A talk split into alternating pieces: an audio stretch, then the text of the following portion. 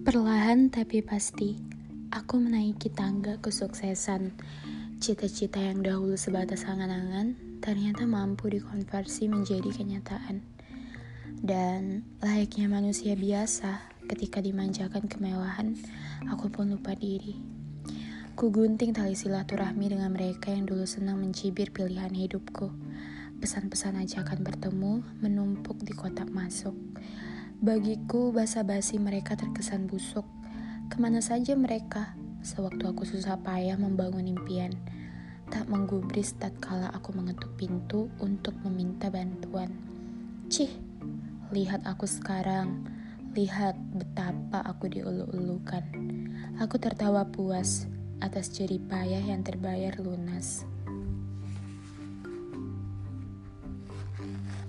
Aku lupa ada campur tangan Tuhan dalam gerak-gerikku, dalam setiap gagal dan berhasilku.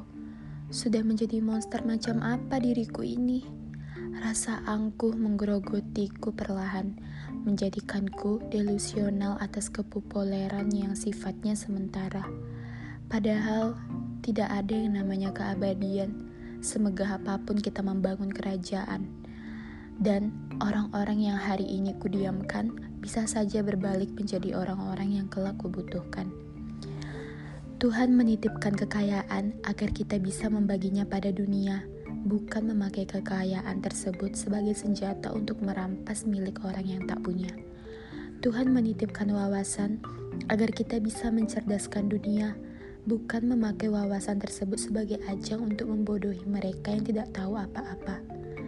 Tuhan menitipkan jabatan agar kita bisa membenahi apa yang salah pada dunia, bukan memakai jabatan tersebut sebagai kesempatan untuk menambah kesalahan yang pernah dilakukan para pendahulu kita.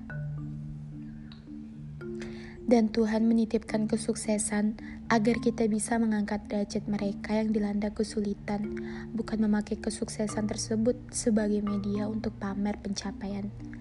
Karena sesungguhnya Kesuksesan adalah ujian, dan kita tidak pernah betul-betul menang sebelum mengerti bagaimana cara merendahkan hati.